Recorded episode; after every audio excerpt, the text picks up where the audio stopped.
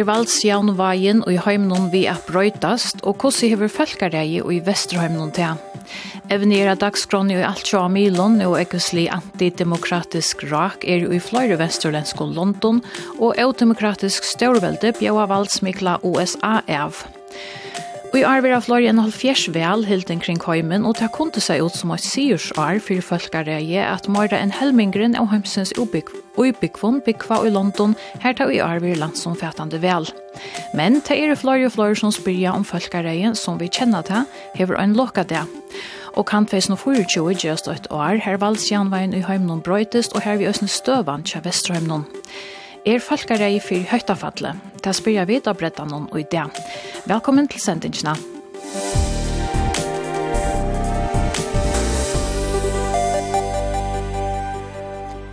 Vi er ferden fra en høyme her Øytland er nekv det sterskaste til å hava fløyre størvelde som bjøver av. Det er politiske støvn i høyme noen øvstøvare. Ikke minst tog at landene som nå bjøver av ikke bytja av samme folkereilig virus som Vesterhøymeren gjør. Det sier Jens Christian Svabo Justinesen, PhD og lektare av Frøskapersedre Førja heimeren hvis den helt er ferdig fra en, en støve vi, vi unipolaritet til, til multipolaritet. Og, og vi unipolaritet ta, ta også om at, at, at det blir et størvelde USA som har haft med det størskaste størvelde i heimen og har tog kunna, kunna sett uh, dagsordenen. Og det er ikke vært noe veldig kapping. Og det har vært støven søyan uh, kalda krutje enda i 90 og så fram til fyrir helt korsian Men og vi at, at Kina blir sterskare og sterskare, økonomisk, men eisende militært, og Russland har eisne fått seg ratter 97-ne, så har du i det flere størrevelde, eller mer enn ett, du har USA, Russland, og Kina, og kanskje Indien eisne. Så du er det en, en multipolær støve. Og det gjør så at ta, ta brøytest støvan i heimen fundamentalt. Og hun blir ostabilere, kan man sige. Hvordan blir det til at Underlund til å mekne at åta seg inn av USA, hvis man kan se det så, just at det kommer til styrke?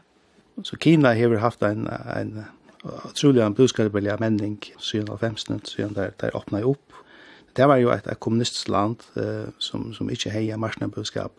Men det ble så gradvist uh, åpnet opp, og man innførte marsnabudskap. Men man avtog ikke politisk skipan, det var stadig et, et, et styre. Men en budskapelig mentes da, kjøtt til å bli en, en, en, den, den sterskaste budskaperen i, i heimen. Og, det, og, og det gjør så at det var råd til at kjøre ulover i, i militær. Og gjør så at det militærste eisene vekser. Og det er India og Russland også, det er samme gang det blir her? Er, det bakgrunder. Anders, anders, anders søva, kan man si at Indien er et, et demokratisk land. Det har ikke haft det samme søvende som, som, som Kina. Mm Men hvis vi fraktet til, til, til Kina, så var det nekst råkna vi at, at ui vi, at man handla i meira og meira vi Kina, og Kina blir meira integrera i heimsbudskapen, og man tar innføra marsnarbudskap. Ja, så vil togene, ja, men så vil uh, politiska skipan bevega seg speklige mot enn demokratiet. Men det hendt så bare ikke, tvers og mot er det, er det blevet enda mer autoritært. Er det kommet ovant da at Vestrøm nu vil avgjøre et låsa nu for en avbjørn? Og han den forstand at det var, det var um, nok så upprätt fætan at den nok for å bevege seg mot en, en demokrati. Og, og, og en grunntanke var, ja, men vi skulle bare handla nok vitt det, altså, her var noen økonomisk samstarv vitt det, så på et eller annet tørspunkt, så, så vil det bevege seg mot, mot en, en demokrati. Og man sa at, eller helt, at, at Marsen av budskaper det harmonerar illa via när auktoritära politiska kipan. Och det har visst så å være förtjänst. Så, så jag vet inte när akkurat det skiftet hände med att man gänger for för följt at uh, politikerne att uh, Kina var altså ikke demokrati. Det, det börjar opp upp för, för, för, uh, västvärlden ganska de seneste 50 årene. Och så är och så, det uppdager man den när står vi här som vi faktiskt eh möjliga alltså som oss är möjliga för för att vara det största eh, störvälde som inte häver några som kan bjuda dem och är till att nu är det knappliga bäg hinna och kanske några andra land och som som kunde det. Ja, og det har vært, altså, fra annan heimspartia, og ikke minst etter at man kallet krutje, hver hevde vi i USA, som hevde vi her, hevde vi aller størskaste landet, og jeg har sett, kunne sett dagsordene, men eisen, eisen sett dagsordene for hvordan dere alt som var fellesskapet skulle kjipast, hvordan samstarvet med land skal, skal organiseres, og så videre. Og på en måte ganske som, som, som Russland og Kina, og ganske særlig Kina, ikke alltid har vært så nøgt vidt. De vil slippe til å sette dagsordene i det. Hvordan størst den drar seg i så stund? Altså, jeg husker jo i hessere kappingen, ja, i mittlen hver er det valds miklasta landet. Jeg halte at, at USA er stadigvæk det nekt det sterskaste militæret i hjemmen. Det er alltid alt er samt om alt igjen. Da man leser i, i bløven har tog noen at støvan tja Vestrøm noen vikner. Hva er det man må inna vite, man sier det?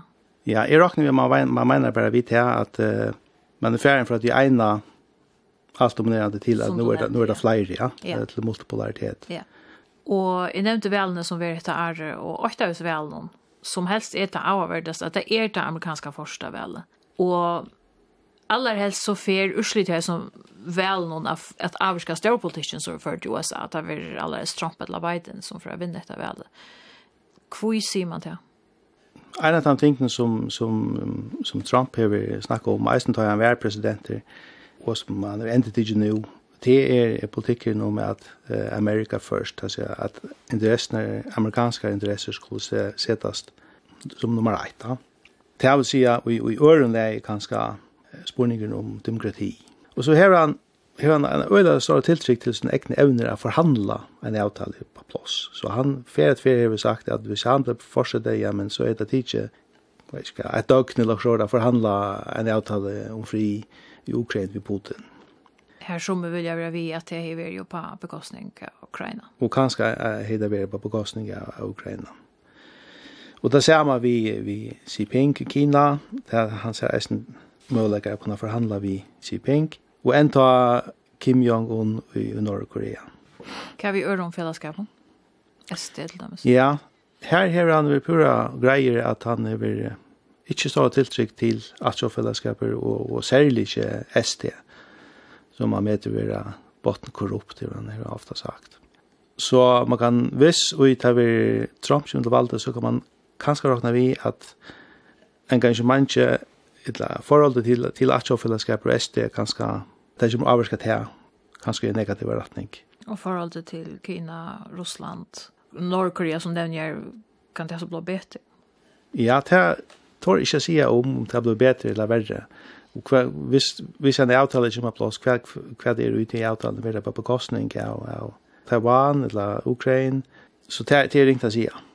Og det var også mye for å spørre til nå, men nå husker jeg mer om resten av Vesterheim nå. Hvordan avhengig er det vidt av tog som USA gjør og i samband?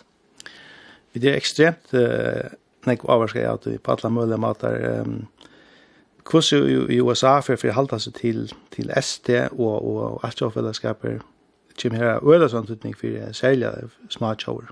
Det är utning. Kväll du för att hämta vi Jön Mittlen Västerholmen och Resnaholmen och ut västen för 20. Jag räknar vi att kappingen Mittlen Mittlen Sörvelden hon hon, hon västnar och blir markantare och det är ju så själva en en en kjeilig gongt Ja, ocht er a kappast om a vera til vald smiklasta land, men kva vi folkar einum? Er det vanta? Jeg veit at det er nekver eklærer som, som halda at det kan være vanta. Om akkurat det er nekka vi, vi uh, amerikanska utrøyningspolitikk er gjerra, det, det, det veit jeg ikke. Her, her kan det lukkast nek vera amerikanska innarøyspolitikk, vi kan ikke henta tog i øyne som, som kan hava, hava, hava en avskan. Men, men hvert vi kvært vi folkere då i USA. Så det har vi jo spått at det har ikke så godt. Nei, vi har jo alle myndene i høttene av å ta i, i, i Føkkabong, Leip og A, kongressene. Så altså, hvis vi, hvis vi uh, valkampen i USA fører til at borgergrudge, et eller annet, det eskalerer og blir så ringt at, at USA lykkes for oppløsning, det kan ha katastrofala vilje for demokrati og i heimen som, som er helt tog nu så så vid början att att vi har en multipolär röstöv vid USA och så är det Kina och Ryssland kanske inte en nästan hvis USA för upplösning först inte så efter ja men så är det två uh, auktoritära regimer som uh, kommer att att dominera och och det kan välja vara en en avante för demokrati.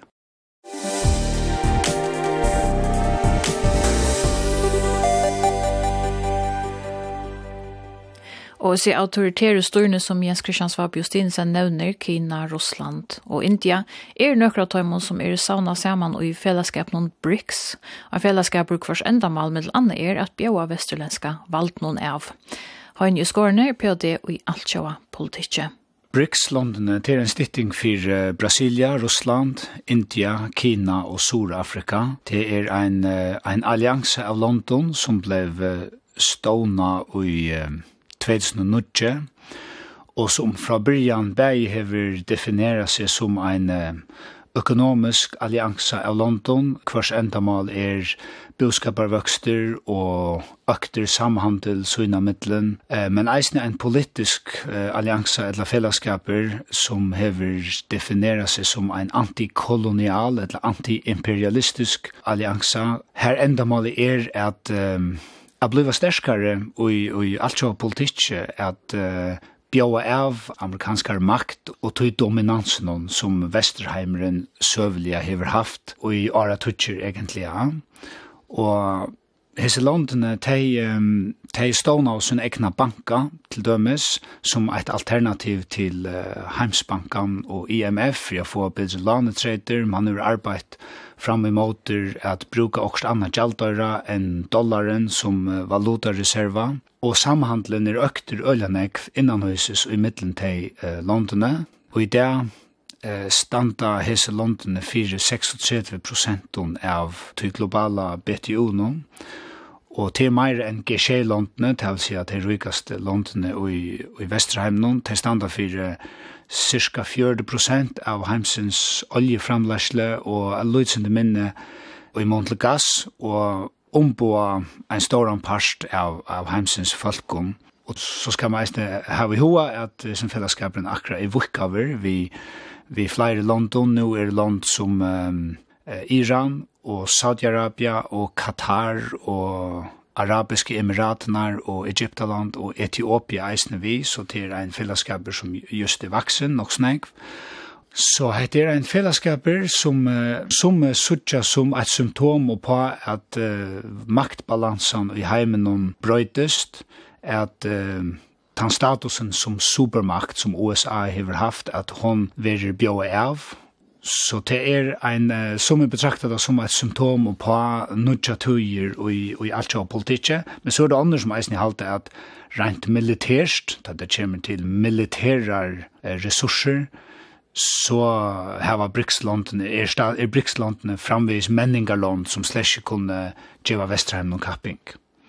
Ja, nu kjent innhatt det, kan så grøye synte fra hva er styrkjen og i sånn fellesskap noen, og hva skal øsne hver vøykløkene er det?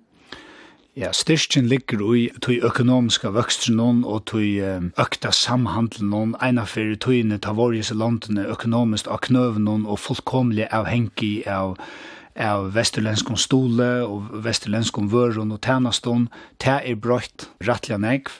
Hvis man hoksar om ta i kalda krutje enda igjen, ta stå sovjetsamvelde fyrir cirka 20 prosent av de samlade heimsøkonomien, og Kina står for minne, altså 4 prosent.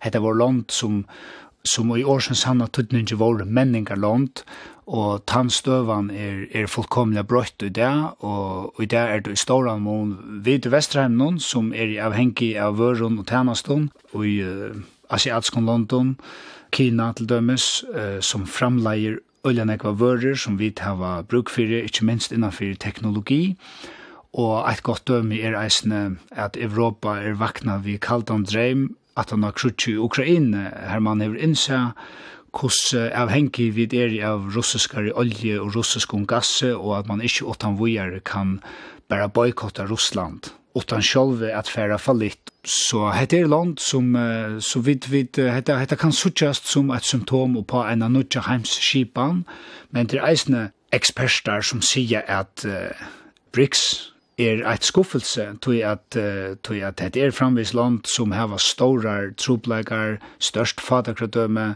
analfabetisman er, er utbreit og at det framvis er Vesterheimeren som er de som sitter vi bor endan ta og i tar store og tunke avgjørene skulle takast.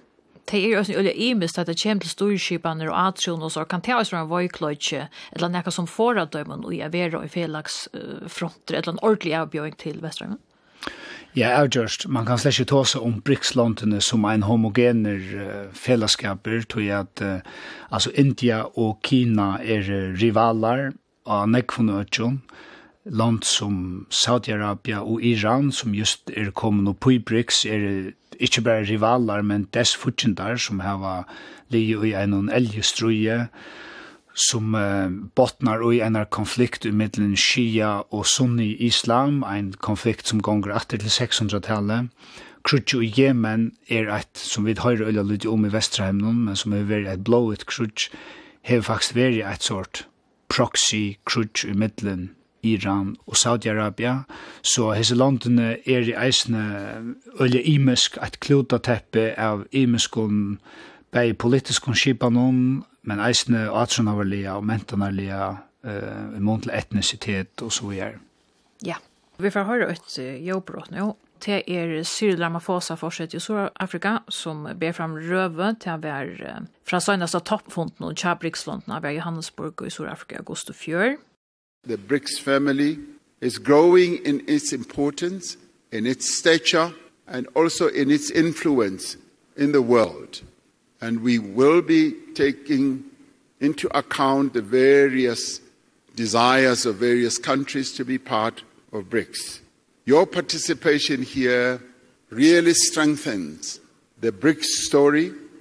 It confirms that BRICS is an important player in the geopolitical and economic architecture of the world. And so we hope that it will continue to be so.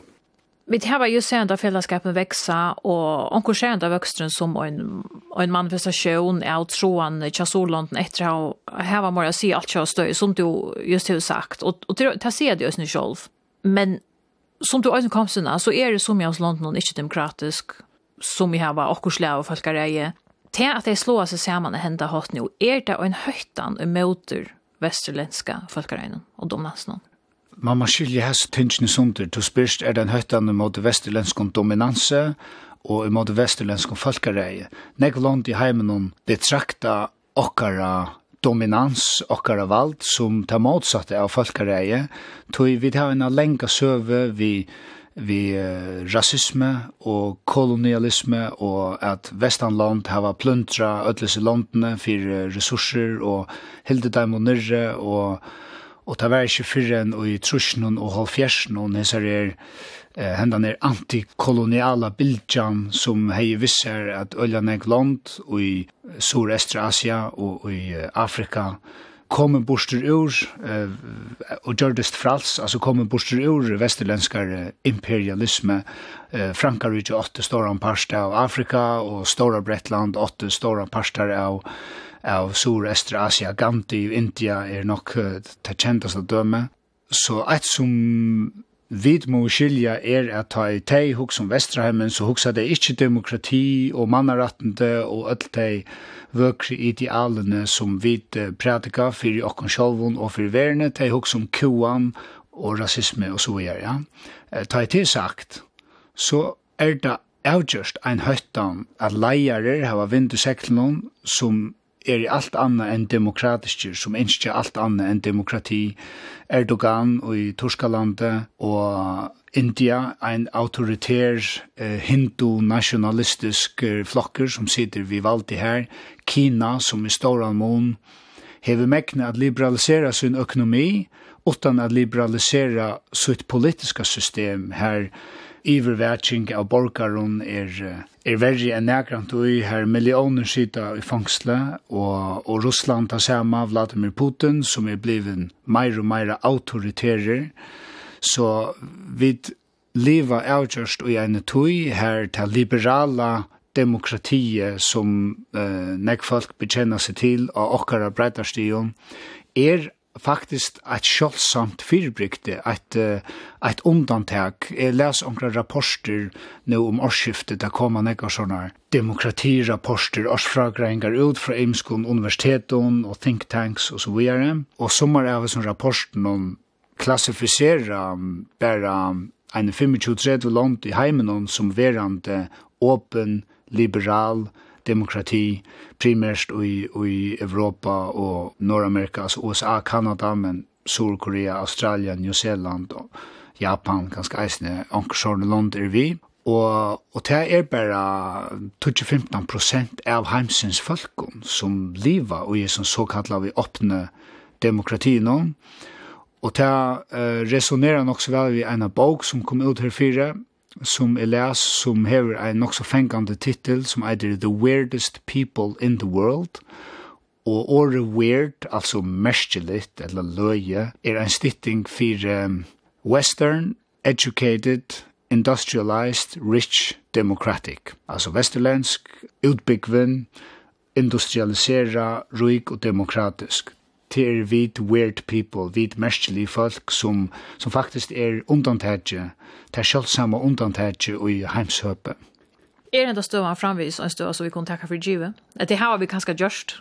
Ja, det har vi kanskje gjørst, og det hunker saman vi at ta i muren fall, og sovjetsamveldet datt sumter og den kommunistiska ideologien som nek folk i Vesterheim noen eisne jo på hon la i kjelja såre så var det en uh, stemninger som sier at ja, men frie marknader budskaper, kapitalisme og liberalt demokrati hever vunnet uh, og vi tar var sikra og øron rivaliserande huksjonen, den kommunistiska huksjonen, den nazistiska som drog heimen ut i setna verenskrutsk, men eisne fascistisk eh, land som eh, tesuste fotli i halvfjersen Grikaland og, og Spania og så videre, eisne fascistisk land i Latinamerika, og at nu har vi sikra, og vi har vunnet, og det som hender i til okkon i dag, det er for resten av heimen at imitera i morgen, tog jeg vidt er det mest attraktiva samfunnsmodeller som er til. Det ser man eisene hvis man hikker etter global migrasjonsstreimon, folk koma til Vesterheimen, ofta vi løyven som innsatser, og det gonger ikke øvut han vi.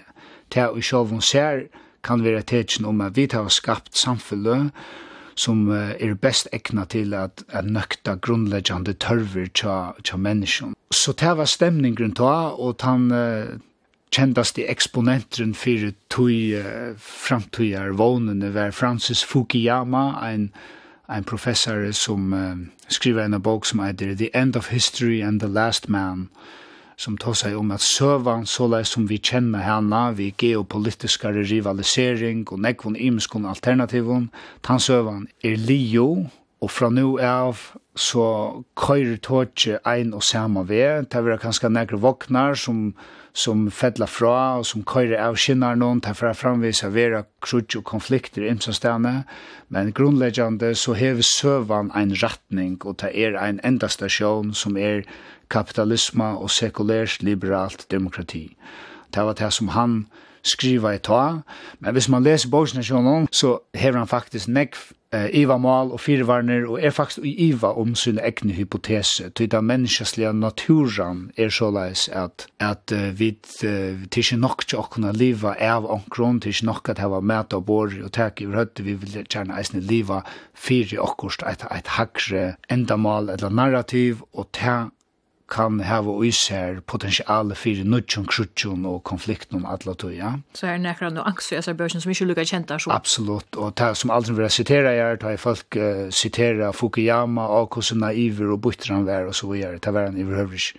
Men hvordan ser han seg til ri ut uh, i det, det som er hent aller sønnast i Arne? Argumentet fyrir hans hypotese er at det er framvegis hvis vi hittar etter uh, streimen av migrasjon, så er det framvis okkara samfunnlagsskipaner som folk streima til. Men uh, fakta er bara til at nekve av som London, som trykker på nega anna, autoriterar skipaner, uh, for ikke å si einar reis, altså diktator i nekvum førun, teokratier i mestri og så videre.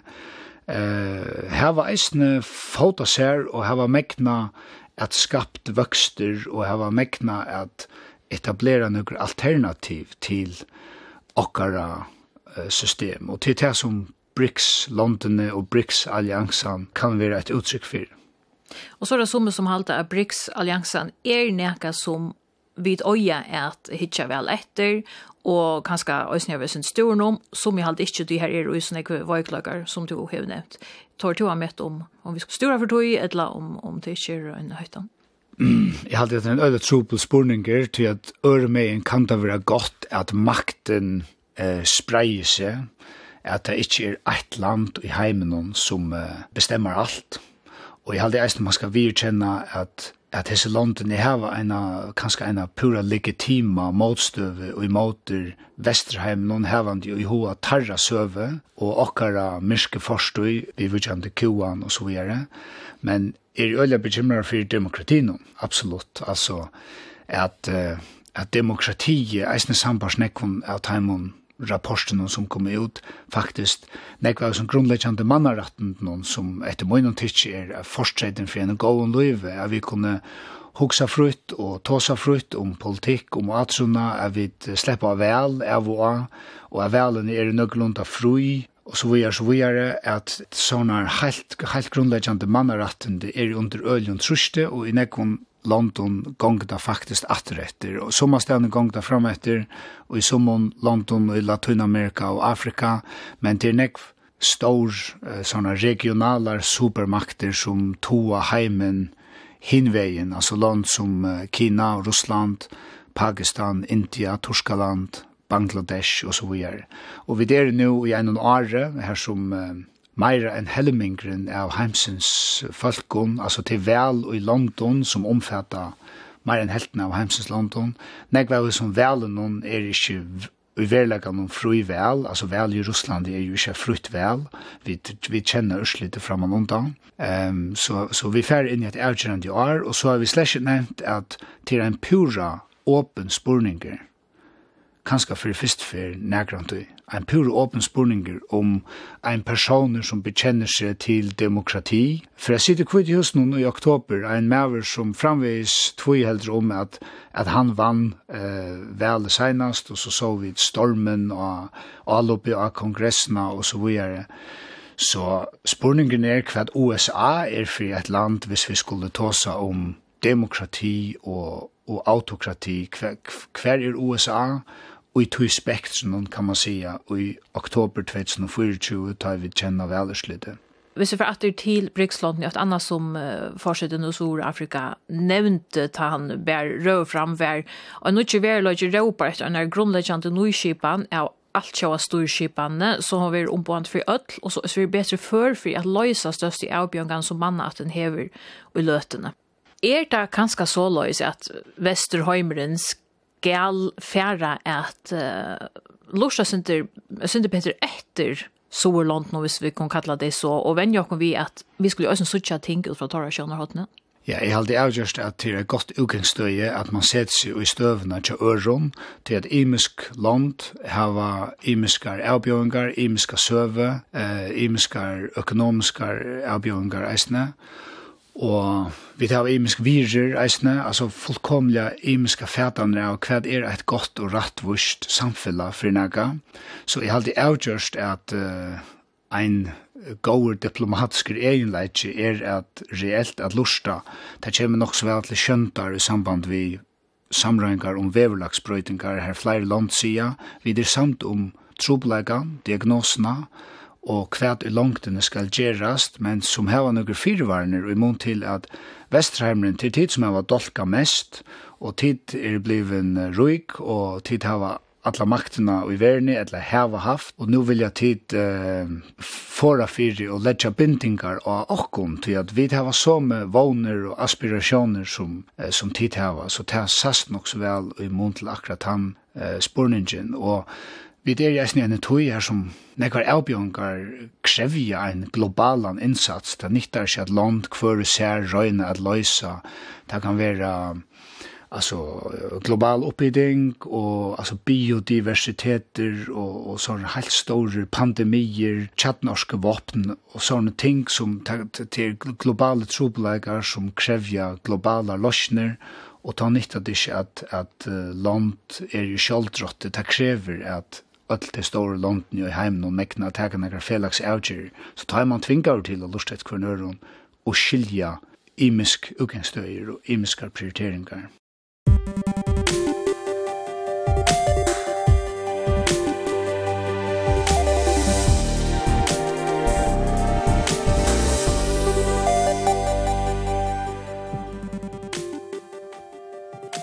Hetta var det at jeg bretta abretta noen idé om en av løte vi kjente sin tøk som pottvarsp og av høymas i okkara. Bretten vil også endesender etter tøyntene klokkan 6. Hevet vi mersker til sendingsina hos godt et til evne et eller opprei, send dere en teltepost av bretten kvf.fo. Av bretta redaksjonen i idé var i Hansa Hansen og Marion Dalsgaard som øsne var redaktører. Teknikari er Kari Annenberg. Vi tar oss atter i morgen klokkan 12.